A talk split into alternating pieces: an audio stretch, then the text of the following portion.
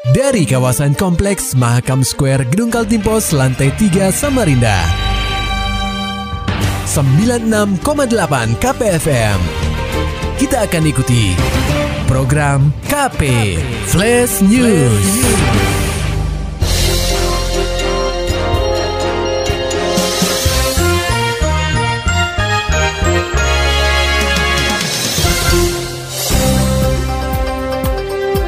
Pendengar KP, akibat banyak menemukan pelanggaran protokol kesehatan, Pemkot Samarinda akan menutup sementara THM dan karaoke selama satu pekan. Laporan selengkapnya akan disampaikan oleh reporter KPFM Samarinda, Muhammad Nur Fajar. Pendengar KP, Pemkot Samarinda akhirnya akan menutup sementara tempat hiburan malam atau THM dan karaoke di seluruh kota tepian mulai Jumat 2 Oktober 2020. Sekretaris Kota atau Sekot Samarinda, Sugeng Hairudin menjelaskan, keputusan ini diambil berdasarkan laporan dan hasil evaluasi dari tim penindakan yang langsung disampaikan Kapolresta Samarinda, Kombes Pol Arif Budiman, kepada Ketua Satgas Percepatan Penanganan COVID-19 Kota Samarinda, Syahri Jaang. Dan kemudian banyak juga dijumpai pengunjung yang tidak menggunakan masker dan tidak menjaga jarak dalam waktu yang lama kemudian juga eh, banyak sekali ditemui tidak maksimalnya upaya pengelolaan tempat hiburan malam dan karaoke untuk melakukan disiplin protokol kesehatan dan eh, kerawanan ini eh, kita khawatirkan eh, apabila tidak diambil tindakan-tindakan cepat maka bukan tidak mungkin angka positif kita akan menjadi lebih tinggi. Sugeng membeberkan, pihaknya juga melihat tidak adanya upaya dari pengelola THM dan karaoke untuk mendisiplinkan pengunjung yang melanggar protokol kesehatan.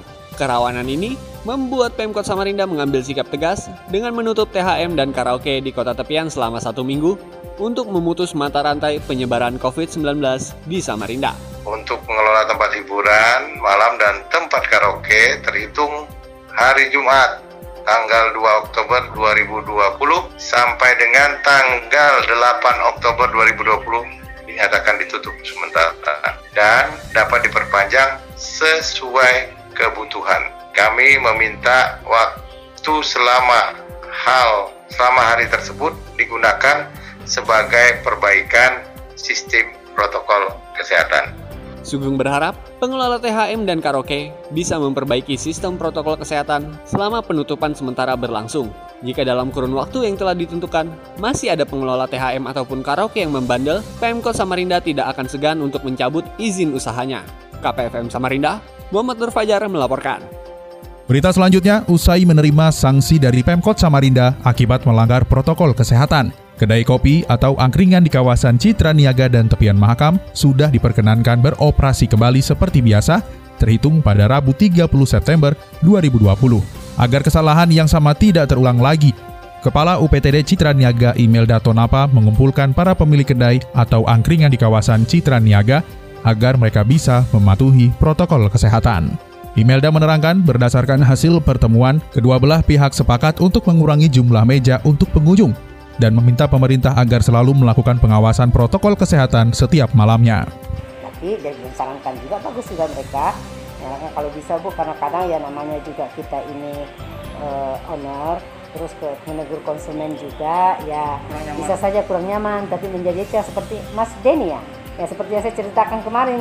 Akhirnya ah saya nggak akan ke situ lagi deh kalau ya, ini kan ya. saklek banget yang punyanya itu. Jadi kalau bisa mungkin dari eh, dinas perdagangan dalam hal ini keamanan digital niaga untuk bisa pantau tiap malam dan kalau bisa eh, ada satpol pp tapi kalau sedang kalau satpol pp nanti kami berkomunikasi dulu dengan satpol pp bisa nggak kami diberikan orang setiap saat untuk mengawasi selama uh, pandemi ini. Terpisah, salah satu pemilik kedai kopi di Citra Niaga Setiawan Yogi sangat mengapresiasi dan mendukung langkah Pemkot Samarinda dalam upaya memutus mata rantai penyebaran COVID-19. Selain itu, pihaknya juga sepakat untuk mengurangi meja bagi pengunjung. Tadi kita uh, mencoba koordinasi sama Dinas Perdagangan. Nah, kita mau nunjukin kalau memang Dinas Perdagangan dan pada teman-teman owner cafe kerjasama bersinergi untuk tadi menerapkan protokol kesehatan. Kita berbenah, semua teman-teman di Citra berbenah untuk kalau kita mau jadi percontohan untuk protokol kesehatan lah. Biar kafe-kafe di luar juga bisa sama-sama taat tentang protokol kesehatan. Jadi pada intinya di atas tadi cuma sepakat aja kita untuk sekarang mengurangi meja, menjaga jarak, memenuhi protokol semua protokol kesehatan kayak sekat pembatas, hand sanitizer, masker dan lain-lain. Jadi bentuk kerjasamanya dengan dinas perdagangan adalah nanti juga ada petugas. Kita juga nanti mau mendatangin eh, bapak-bapak gugus COVID ya Satpol PP juga untuk bekerja sama gimana caranya kita biar bisa membentuk citra yang taat protokol kesehatan lah pada intinya. Itulah Ke depannya, Yogi beserta rekan-rekan pemilik kedai kopi di Citra Niaga akan berkoordinasi dengan Satgas Percepatan Penanganan COVID-19 Kota Samarinda agar bisa bersinergi dalam hal pengawasan protokol kesehatan di wilayah tersebut. Pendengar KP, Badan Pengawas Pemilu atau Bawaslu Samarinda memanggil pasangan calon wali kota dan wakil wali kota nomor urut 1, Muhammad Barkati dan Darlis Patalongi pada Kamis 1 Oktober 2020. Pemanggilan keduanya karena ada dugaan pelanggaran kampanye di luar zona. Barkati dan Darlis datang memenuhi panggilan Bawaslu di kantor Sentra Penegakan Hukum Terpadu atau Gakumdu, Jalan Wijaya Kusuma, Samarinda. Barkati yang lebih dulu selesai dimintai keterangan menjelaskan kepada awak media kronologis kehadiran dirinya pada acara syukuran kelompok ibu-ibu senam pada Minggu 27 September 2020 lalu. Siapa pun aku tidak pernah namanya undangan, siapa pun aku selalu datang. Aku tidak pernah melihat apa undangan isi undangan apa. Yang namanya undangan selalu aku hadiri. Hmm. Itulah memang dari dulu. Sementara Darlis yang lebih lama diperiksa petugas Gakumdu menepis adanya kegiatan kampanye. Ia ditanyakan pertama tentang latar belakang acara. Ya, saya jelaskan bahwa ini diundang. Eh, kami diundang dan bahkan sebetulnya undangan ini itu sudah uh, ada sejak bulan Juli yang lalu mereka begitu kebetulan pengundang tuan rumah ini kan menantunya adalah anggota dewan dari Demokrat. Nah, sebagai orang tua ya begitu mendengar eh, Demok partai menantunya itu mengusung Badar, SK-nya keluar, ya mereka eh, mau, kebetulan akan melaksanakan syukuran terbentuknya grup senam istrinya Nah, mereka ingin juga kami hadir. Dalam keterangan terkait, Bawaslu Samarinda dan Gakumdu telah memeriksa tiga orang terkait persoalan ini pada Rabu 30 September 2020. Beralih ke berita selanjutnya, Kepala Badan Kepegawaian Daerah atau BKD Provinsi Kaltim Didi Rusdiansyah melaporkan informasi terbaru mengenai seleksi calon pegawai negeri sipil atau CPNS tahun 2019 di Kaltim.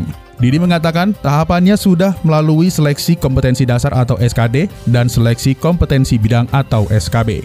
Digelar di tengah pandemi COVID-19, tentu ada potensi CPNS terjangkit COVID-19. Didi menyebutkan, ada satu calon peserta seleksi di Kaltim yang melaporkan kondisinya terpapar virus corona sebelum mengikuti tes.